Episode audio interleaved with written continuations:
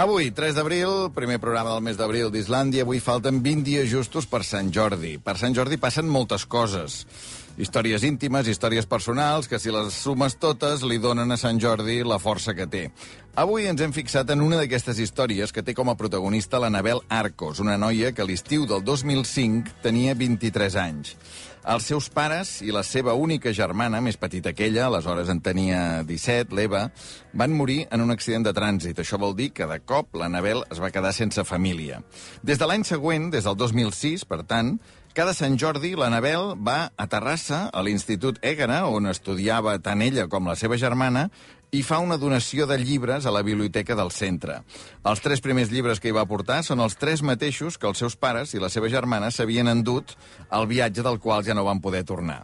Total, que m'han anat a l'Institut Ègara i allà he parlat una estona amb l'Anabel Arcós, que ara té 41 anys.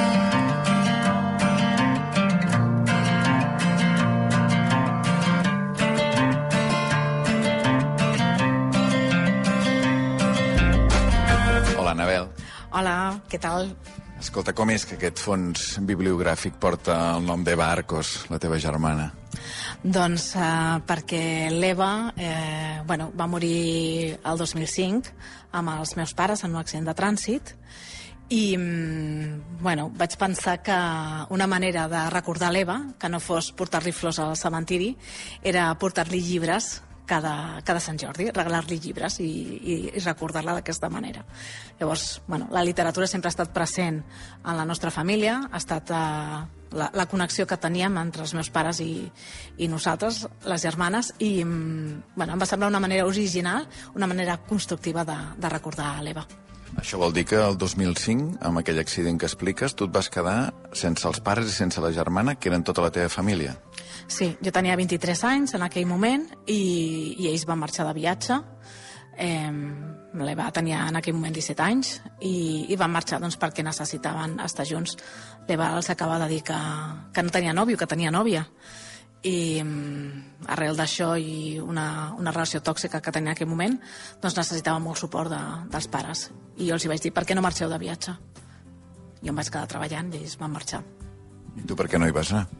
jo estava treballant uh, d'aquí uh, feia doncs, uh, poc que, que treballava en, en un banc i els hi vaig dir, mira, a mi encara em queda una setmana per començar vacances, doncs quan, quan torneu uh, ens tornem a, a retrobar no? I, i els vaig dir, aneu junts i, i així doncs torneu a connectar i bueno, van marxar junts i, i ja no van tornar som a, a l'Institut Ègara, aquest institut. Tu hi vas estudiar? Sí, jo vaig ser la primera generació de, dels esitos, que diuen, de tercer d'ESO.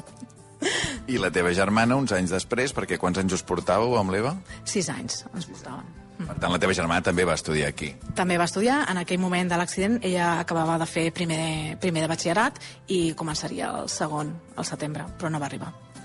Clar, eh, estem començant el mes d'abril, som a les portes de Sant Jordi. Eh, aquest fons, Eva Arcos, aquest fons de llibres que tu cada any vas fent aportacions noves. Quants llibres hi ha ara? Ara portem més de 600 llibres. Eh, des del 2005 eh, els primers llibres que vam donar van ser gràcies als estalvis que tenia l'Eva. Van comprar els seus llibres preferits. Els tres primers eren els que portaven el dia de l'accident. Sí, a veure, hi ha una cosa, perdona. Uh, clar, clar, és que... O sigui, amb els diners que ella tenia estalviats, que els tenia en una llibreta, els teníem efectiu a la seva habitació, o sigui, tu vas invertir els diners que tenia la teva germana de, de 17 anys en començar a comprar llibres perquè els poguessin disfrutar tots els nens i nenes de l'institut. Sí, eh, ella tenia una guardiola. Eh, no tenia llibreta encara, tenia una guardiola i tenia molts calés i sempre deia que els guardava per una cosa especial. Llavors jo vaig pensar, jo no em puc quedar amb aquests calés, eh, necessito reinvertir-los en algú, en algú per, per l'Eva, no? en algú especial per ella.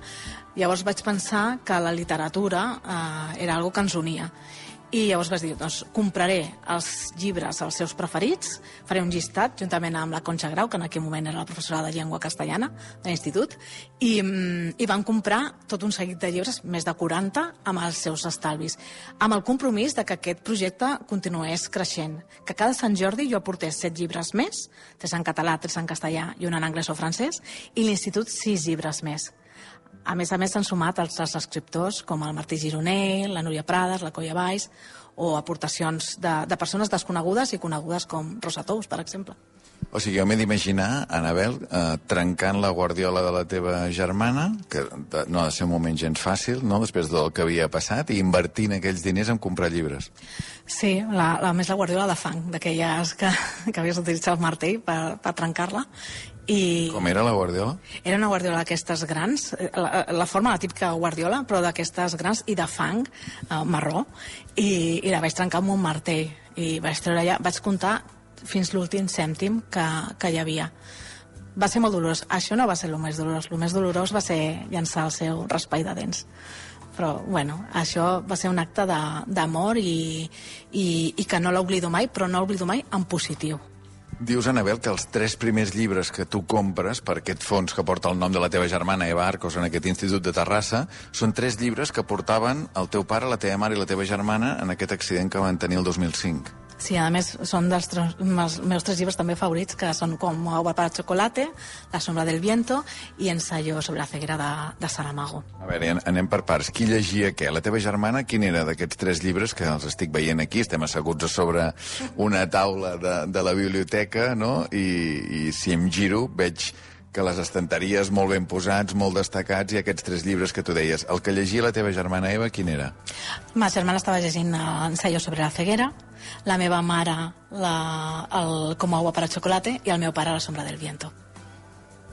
I van ser, eren els tres llibres que, que justament portaven el, el dia de l'accident, perquè ja et dic que érem, tots quatre eren molt, molts bons lectors. I on anaven ells de viatge? Tu dius que necessitaven estar junts eh, uns dies perquè la teva germana amb 17 anys els acabava de dir que no tenia nòvio, que tenia nòvia i, i que necessitaven estar junts i parlar-ho, no? On anaven? Doncs anaven, el meu pare era un entrenador d'atletisme, maratonià també, i li agradava molt doncs, fer curses i maratons. Llavors eh, havia vist que cap a França ja feien una, solidària, i volia córrer aquesta marató. Llavors van dir, doncs mira, agafem el cotxe, anem cap a França i passem uns dies allà. Llavors eh, anàvem per la carretera de bueno, Torroella de Montgrí, eh, més o menys per Figueres, i, i va ser allà que un camioner eh, va perdre el control de, del camió, portava més, més hores de les permeses conduint, excés de velocitat i parant pel mòbil eh, i va, van xocar frontalment i mm, al camioner no li va passar res i eh, ells tots tres van morir en l'acte. I tu com ho vas saber? Mira, jo havia parlat amb ells una hora, una hora abans de l'accident, que va ser a les 3 i 20 de la tarda, un 28 de juliol. Eh, els vaig trucar als tres. Eh, ma germana m'havia dit que acabava de deixar la, la seva relació amb, amb una persona que, estava, que era molt tòxica. Eh, li vaig dir, Eva, t'estimo. Eh, després vaig parlar amb la, meva, amb la meva mare, li vaig dir, mira, m'ha dit l'Eva que ha deixat la seva nòvia, i ma mare estava contenta, i vaig dir, vinga, va, i amb el meu pare també, no?, vaig parlar. Eh, I li vaig dir a ma mare, jo, estava, jo treballava eh, per la tarda, fins les 10 del, del vespre, i vaig dir, doncs, et truco des de casa així pagues tu. No, li vaig dir això. Llavors, l'accident, ja et dic, va ser a les 3 i 20 de la tarda i jo vaig arribar a casa a les 11 de la nit.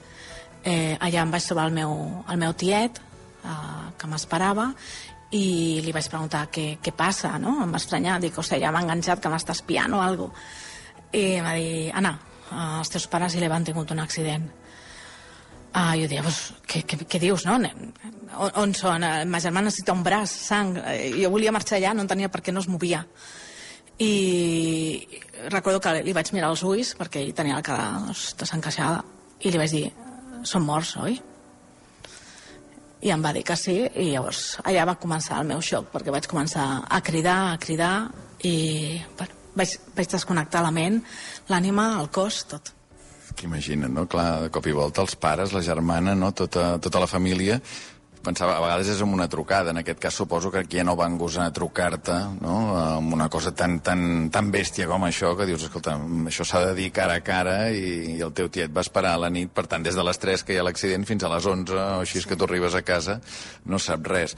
Clar, d'aquí a trobar la força per dir, escolta'm, jo vull fer aquest projecte on som avui, a la biblioteca d'aquest Institut de Terrassa, que hi hagi un fons de llibres, que a la meva germana li agradava molt llegir, que hi hagi el nom, que suposo que és l'orgull aquest de veure aquest nom, Eva Arzcos Ruiz, que està aquí amb lletres grans, i de venir cada Sant Jordi, sí. Tu, aquí a explicar, a, a portar llibres, però explicar també amb tots els nens i nenes la història de la teva germana. La història de la meva germana i, i també d'alguna manera la meva, perquè això també m'ha costat molt acceptar-ho. Uh, a mi m'ha costat molt uh, perdonar-me per estar viva. Jo en un principi volia... Bueno, em vaig intentar suïcidar, uh, però després vaig dir que els meus pares precisament m'han transmès la, la resiliència eh, no podia fer això perquè ells... Espera, que m'estàs ensenyant un tatuatge ara aquí, eh? Ah. Explica'l, explica'l. Bueno, em vaig tatuar les tres estrelles, eh, els meus pares, l'Eva, eh, i després aquesta estrella gran que sóc jo, eh, que me la vaig tatuar doncs, precisament després d'haver de, patit un càncer de mama i la resiliència, perquè significa molt per mi, és, és aprendre les situacions traumàtiques, les penses traumàtiques i mm, no és que la, la vida et canvi canvies tu, però aprens a viure d'una altra manera i jo he après a fer-ho he après a fer-ho des de l'amor i, i des de bueno, aprendre a ser feliç d'una altra manera que es pot, es pot. Tu has desitjat anar també en aquell cotxe que anaven els teus pares i la teva germana? Jo ho he desitjat i, de fet, em vaig emprenyar amb ells pel fet de, de que m'haguessin deixat. Però jo... ho havies demanat tu? Sí, ho vaig, ho vaig demanar jo precisament perquè estiguessin junts i, i això també doncs, eh, bueno, ha estat un, un trauma no, per mi, per dir, ostres, vaig ser jo que els hi vaig dir. Però realment, ho, si, si ara ho és de tornar a fer, ho tornaria, ho tornaria a fer, els hi tornaria a dir que havien d'estar junts la cosa va ser doncs, que precisament va ser un accident i, i bueno, jo he après a viure amb això, a perdonar-me i, a, i bueno, a posar tota la meva il·lusió en aquests projectes que em fan sentir millor. Et veig, no sé, és que et veig, eh, tens aquesta cara alegre, aquests ulls que et brillen, no? Suposo també perquè estem aquí, no?, amb aquest uh, fons a la biblioteca de l'Institut de Terrassa que porta el nom de la teva germana, però no estàs molt emprenyada amb la vida? No, jo eh, vaig perdonar a la vida i mira, no sóc creient però en aquell moment sí que deia Déu, no sé com has pogut fer això eh, quan vaig ser mare Eh, quan vaig... Però tu, la primera reacció és culpar a Déu, de que s'hagin mort els teus pares i la teva germana en un accident. Bueno, vaig culpar a Déu perquè va venir un senyor, a veure, un mossèn a casa i em va dir Déu escull els millors. I vaig dir, doncs mira, saps què vull dir? Eh, fora d'aquí, jo no sóc creient, eh? però bueno, va venir i em va fotre la xapa. Eh, I després, doncs... Eh... Vas culpar Déu abans que el camioner? Sí. Després, eh, després el camioner, perquè, a veure, evidentment, eh, el que va passar va ser culpa d'ell. Però d'alguna manera pensava que... Com podia ser, no? que, que Déu eh, deixés que passessin aquestes coses, que es portessin a, a persones tan bones, o com el meu pare, no? també, una persona tan altruista, tan solidària. Com podia ser això? Mm, ha estat la primera lliçó de, de la vida. Has pogut parlar tu amb el camioner? No, de fet vam, vam anar a un judici i ell no es va presentar perquè deia que estava molt eh, deprimit, molt traumatitzat. Eh, el, el camioner només eh, li van posar una multa de 30 euros. Del judici? Sí, perquè no tenia antecedents, llavors eh, 30 euros de, de multa. I ja està. Per tant, deies això, que tu culpes, culpes a Déu, no?, en, en primera instància, i, i quan canvies? Quan comença a canviar la cosa? Doncs uh, vaig voler ser mare. Eh, vaig ser mare molt, bueno, jove, eh, amb 28 anys, i jo vaig dir, mira, si tinc un fill o una filla sa, que tot vagi bé, jo et perdono. I llavors uh, va venir l'Aina, que és la llum que m'il·lumina, i um, va ser posar-me els braços al pit i, i jo vaig dir, et perdono. Això... Parlant amb Déu, eh? Sí, això em va donar molta pau. És dir, et perdono perquè m'has regalat una filla que, que està sana, que, que m'ha omplert aquest buit que tenia i mm, va ser preciós. I des, des de llavors això eh, bueno, m'ha portat molta tranquil·litat. Estic, estic en pau, amb la vida també. Amb el camioner no desitjo veure'l mai, però, bueno, no, no vull veure amb rancor. El rancor no et porta enlloc.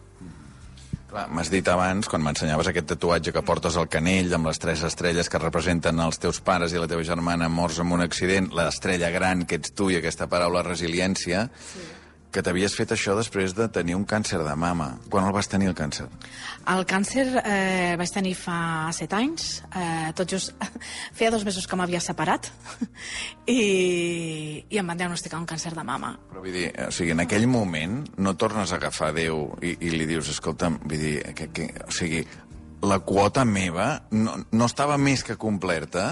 És, són coses que, que, que penses, no?, eh, de forma una mica, mm, bueno, mm, innocent, penses que no et pot tocar res més. I sí, i, i la vida et pot tocar coses dolentes, més coses dolentes. Jo no dic, jo ja he passat per això i ja està. No.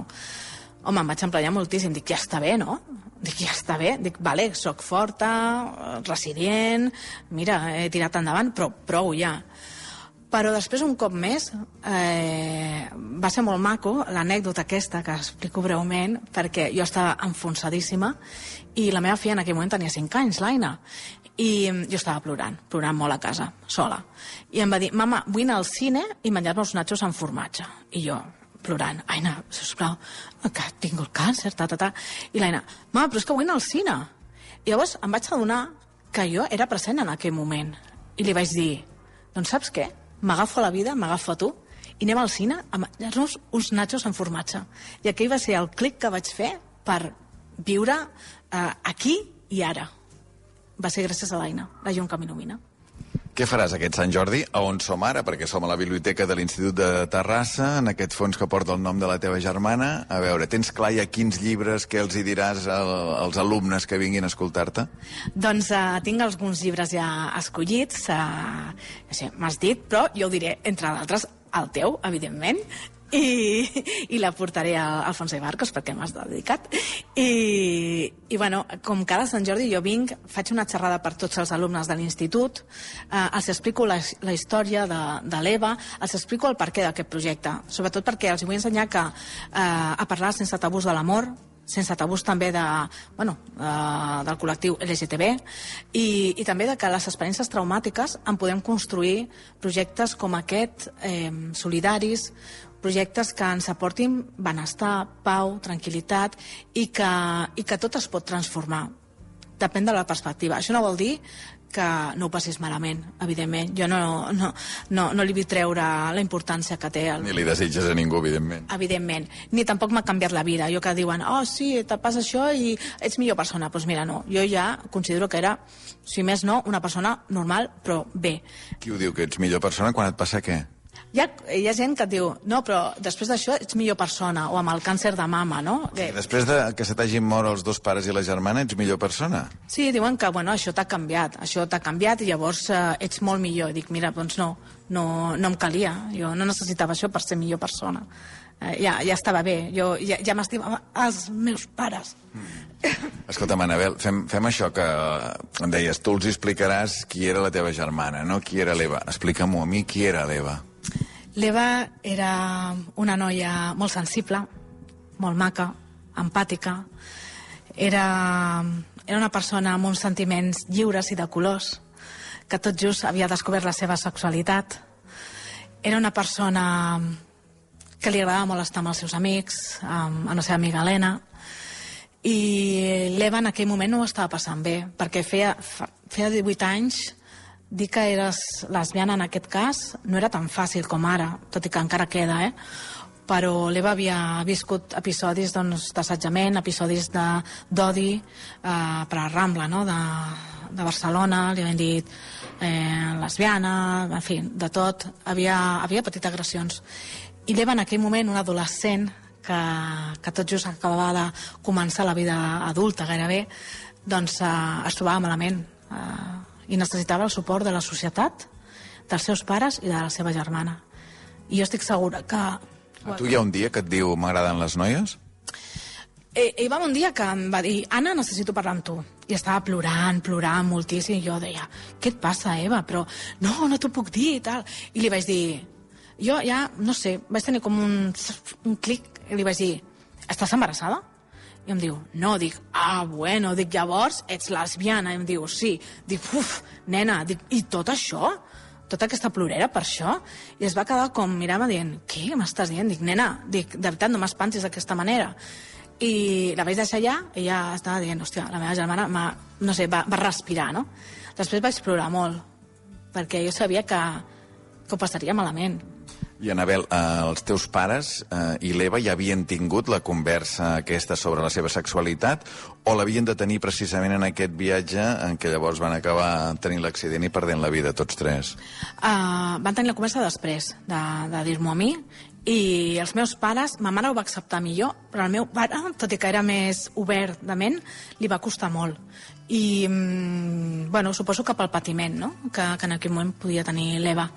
I per això van, feien aquest viatge també, per retrobar-se, perquè era necessari que els pares i, i l'Eva es retrobessin i, i poguessin, sobretot, parlar. Parlar en un, en un escenari eh, de pau i de, de tranquil·litat. Quants anys tenien els teus pares quan van morir en aquest accident? Ma mare tenia 48 anys i el meu pare tenia 49, que, bueno, faria 50 anys en aquell moment, i l'Eva 17. Era. Qui eren els teus pares? Explica-m'ho també. El meu pare era una persona molt solidària, altruista, amic de l'Arcadi Oliveres, eh, col·laborador d'Aturem la Guerra, impulsor de la plataforma 07, havia estat allà fent l'acampada la, aquesta solidària a, a la Diagonal, eh, i ma mare era una persona molt de la família, molt, eh, es cuidava molt les seves filles, cosia, era un artista, també, ja tot el que fos creatiu. Eren, eren unes persones normals eh, que s'estimaven a les seves filles. Clar, tu perds eh, els dos pares, la teva germana, tota la família, i on vas a viure després d'això? Diguem, després que el teu tiet et comuniqui la notícia aquella nit del 28 de juliol de, de 2005, on, on dorms aquella nit? Me'n vaig anar a casa d'una amiga de la meva mare a, a dormir. I després el que vaig fer va ser deixar un, un any de, de respecte a la casa. No volia tocar res de la casa. Llavors me'n vaig anar amb els meus padrins a viure a Barcelona i, i jo al, al, al setembre estava a la universitat fent uh, filologia anglesa, que era la carrera que estava acabant. Jo no, no vaig aprovar cap, eh, aquell curs, perquè no veia ni la pissarra. Tenia tanta ansietat, però jo vaig continuar en la vida i això va ser gràcies als valors i l'educació que m'havien donat els meus pares, de dir, bueno, eh, has de tirar endavant. No sé com, però has de seguir. És aquell moment que no entens, no?, que quan et passa una cosa bèstia com aquestes, no?, que, que dius, hosti, però surts al carrer i, i la vida continua, no?, I, però, tu, però per tu no. La meva vida es va aturar amb 23 anys. I jo veia que tothom tancava la porta de casa i tothom tenia la seva feina, els seus, bueno, les seves coses, però jo tenia això, jo pensava que, estava, que, que era un mal son, que, que algun dia em despertaria. I, i no sé, em va, em va costar molt, però eh, el que em va ajudar, eh, t'haig de dir, que va ser una llista d'il·lusions que em vaig fer i que m'ha servit donant, també durant el càncer, perquè quan, quan estàs bé és molt fàcil recordar les teves il·lusions, però quan estàs malament necessites recordar-les, no? perquè no, no, no te'n recordes d'aquelles. Llavors jo em vaig fer una llista que era doncs, viatjar, trobar nòvio, enamorar-me, enamorar-me de veritat, tenir una filla, escriure... I, I va ser jo que vaig anar tatxant tot segons les anava fent realitat i això és el que sempre em manté viva. Quan tardes a fer aquesta llista d'il·lusions? No sé, hi ha algunes que encara no les he acabat. No, no, no, no. vull dir, uh, o sigui, quan passa des de l'accident fins que fas la llista d'il·lusions? Doncs dos mesos. Sí. Molt ràpid, no? Sí, no sé, crec que el meu pare sempre m'ho deia, que sóc bastant tossuda, suposo que tossuda també per viure, i vaig dir, bueno, abans de l'intent de suïcidi vaig pensar, si haig de viure, vull viure al 100%, a tope. Llavors, què m'il·lusiona? Què m'il·lusionava abans, no? Intentava recordar tot això, no? Doncs me vaig aportar un full, m'ho vaig fotre allà a la nevera i cada dia ho mirava. Jo tenia il·lusió per això, per això, per això, Llavors, ara sé que estic vivint aquesta etapa perquè és molt fotuda, però eh, recordo que això em feia il·lusió. Llavors, endavant. Quina il·lusió et queda per complir d'aquestes de la llista? Um, bueno, a mi m'agradaria anar al Japó. uh, vull, vull anar a Tòquio, sobretot. I també m'agradaria, doncs, a, bueno, poder compartir més eh, els meus llibres, eh, tenir, doncs, eh, participar també, mira, en algun programa de comunicació, eh, però bueno, eh, sobretot la, la il·lusió més gran és la que compleixo cada dia, que és ser conscient, present i, i conscient de, de la sort que tinc, eh, em sento molt afortunada, de la sort que tinc d'estar amb la meva família, amb els meus amics i tenir salut. Et sembla que ens aixequem i m'ensenyes una mica aquesta biblioteca que porta el nom de la teva germana? A veure, que estàvem aquí asseguts en una taula al mig de la biblioteca. Ah, mira, aquesta és aquí que hi ha un, un diguem, com un dossier que posa projecte solidari Always on my mind sí. i una foto qui sou les de la foto? Doncs uh, la de la dreta sóc jo, encara que no ho sembli, i la de l'esquerra és, és ma germana. És uh, l'últim viatge que vam fer a Anglaterra, perquè bueno, teníem allà una tieta i ens agradava molt anar a, a West Byfleet, era a, bueno, a 30 minuts de Londres, i ens van fer aquesta foto. Eh, I per això bueno, la vaig escollir com, com la portada. I el projecte porta el nom de Always on my mind, eh? sempre al meu cap. Eh? Sempre, sempre, sempre hi serà en els nostres cors, eh, a la, bueno, entre les prestatgeries, entre tots aquests llibres, l'esperit de l'Eva hi és. Uh, em sembla que és una bona manera de, de recordar-la i de tenir-la sempre present, també el seu esperit solidari. Aquí veig hi ha llibres de, de tot tipus, dèiem abans aquests, eh, L'ombra del vent del Ruiz Zafón, l'ensaio sobre la ceguera del Saramago, eh, Como agua para chocolate de la, de la Laura Esquivel, però hi ha tot tipus de llibres, tot llibres nous, llibres d'actualitat, els Stieg Larsson, en fi, moltíssims. Eh, molts més Ruiz Zafón, també aquí el Juego del Ángel, eh, El laberinto de los espíritus, eh, què més tenim aquí? La Colla Valls... Sí Uh, en fi, i veig també aquí el Santiago Posteguillo, i veig tres llibres teus. Sí. Anabel Arcos. Sí, bueno, uh, havien d'estar, evidentment. Quan vas començar a escriure? Jo vaig començar a escriure uh, durant la quimioteràpia, quan em van diagnosticar el càncer de mama, per oblidar el dolor. La quimioteràpia m'alterava molt el sistema nerviós i vaig començar a escriure un diari de vida, li vaig escriure a l'Aina, un diari de recuperació, deia, dia 1 de la meva recuperació. I me recordo que la Roser Amís, una altra escriptora, va llegir el meu diari i va dir, escolta, m'agrada molt com escrius, tal, per què no m'envies un manuscrit i li dono a les meves agents literàries? Jo dic, per què m'estàs dient? Si jo demà tinc quimio. Li vaig enviar i, mm, i, bueno, i aquest és el primer llibre que vaig publicar, que és El càncer contigo puedo, eh, que a més és molt especial, no només perquè és el primer llibre, que és una biografia novel·lada, sinó perquè el vaig presentar amb el Sergi López, al Cinema Catalunya de Terrassa, juntament amb, amb un curtmetratge que van gravar, que és Princesa Mastectomia, que vaig gravar amb un mòbil i la càmera era la meva, la meva filla. O sigui, li vaig dir, Sergi, han d'assagir, i em va dir, nena, no has trobat un altre model millor? Però va ser molt maco. Van venir més de 400 persones a Cinema Catalunya. Eh, algunes les vaig aportar jo i l'altra el Sergi, evidentment i, i va presentar aquest llibre. I ara a què et dediques, Anabel? Vull dir, perquè has publicat tres llibres, però, però de què treballes? Jo em dedico, bueno, sóc escriptora, em dedico a això, evidentment no, no, no es viu d'això, eh, llavors també faig eh, coses a xarxes socials, eh, tinc un podcast que ens diem Les Fresques, eh, que es grava al Mercat de la Independència de Terrassa, i, i el que faig és, eh, bueno, una mica fer de tot, la veritat. Eh, és, és molt difícil, tu sabràs, aquest món de la comunicació i, de fet, ara estic buscant feina, perquè no, amb els llibres no, no es pot viure només. Anabel, a veure, la gent que ens estigui escoltant i li hagi agradat la història d'aquest fons bibliogràfic que has creat per la teva germana, morta en accident fa molts anys, que estudiava en aquest institut, que acabava de descobrir la seva sexualitat, que li agradaven les noies, que vols que això d'alguna manera també sigui un centre doncs, per, per la comunitat eh, LGTBI. Què pot fer? És a dir, la gent pot donar llibres també per, per afegir-se en aquesta col·lecció? Sí, tant, i molt agraïts a més. Sí que és veritat que um, nosaltres els llibres que, que, que aportem al Fons de Barcos han de ser nous. És a dir, Eh, agraïm molt les aportacions que faci tothom, escriptors, eh, gent coneguda o desconeguda, és igual, però els llibres han d'estar escollits, a, escollits amb carinyo. Eh, no, volem créixer, però no de qualsevol manera. O sigui, el que no vols és que la gent es tregui les rampoines velles de casa i vinguin a per aquí? No. No. O sigui, no es tracta aquí que hi hagi molts llibres, No. sinó que hi hagi llibres nous, llibres bons i llibres que els puguin llegir doncs, tots els alumnes d'aquí, no? I llibres especials, que diguin, jo vaig a la llibreria, no tant a Amazon, eh?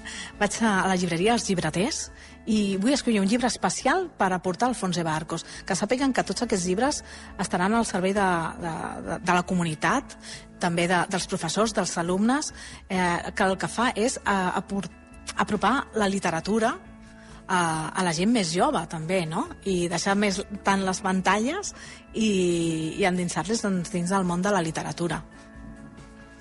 Clar, han passat eh, 18 anys pràcticament de l'accident, no? De l'accident en què es moren els teus pares, que es mor la teva germana, que perds tota la família. En quin moment, ara, després de tants anys, els trobes a faltar més? Et diria que en cada moment. Sobretot amb l'Aina, amb la meva filla. Sobretot quan hi ha un canvi, quan em diu alguna cosa, m'agradaria que ho veiessin.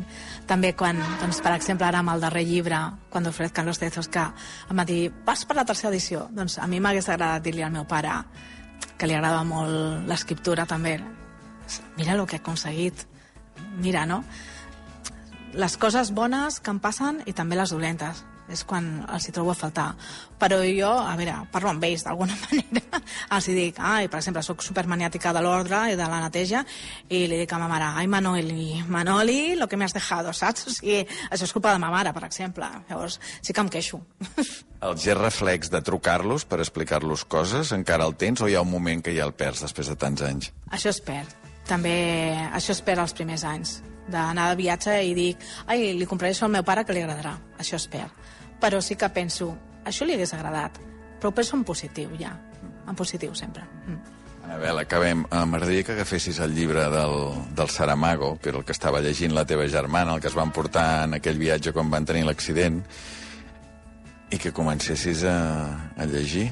A veure, a veure com comença aquest llibre que llegia l'Eva. Se iluminó el disco amarillo. De los coches que se acercaban, dos aceleraron antes de que se encendiera la señal roja. En el indicador del paso de peatones apareció la silueta del hombre verde. La gente empezó a cruzar la calle pisando las franjas blancas pintadas en la capa negra del asfalto. Nada hay más que se parezca menos a la cebra, pero así llaman a este paso. Los conductores, impacientes, con el pie en el pedal del embrague, mantenían los coches en tensión, avanzando, retrocediendo, como caballos nerviosos que vieran la fusta alzada en el aire. Habían terminado ya de pasar los peatones, pero la luz verde que se daba paso libre a los automóviles tardó aún unos segundos en alumbrarse. Gràcies, Anabel. Gràcies a tu pel teu temps.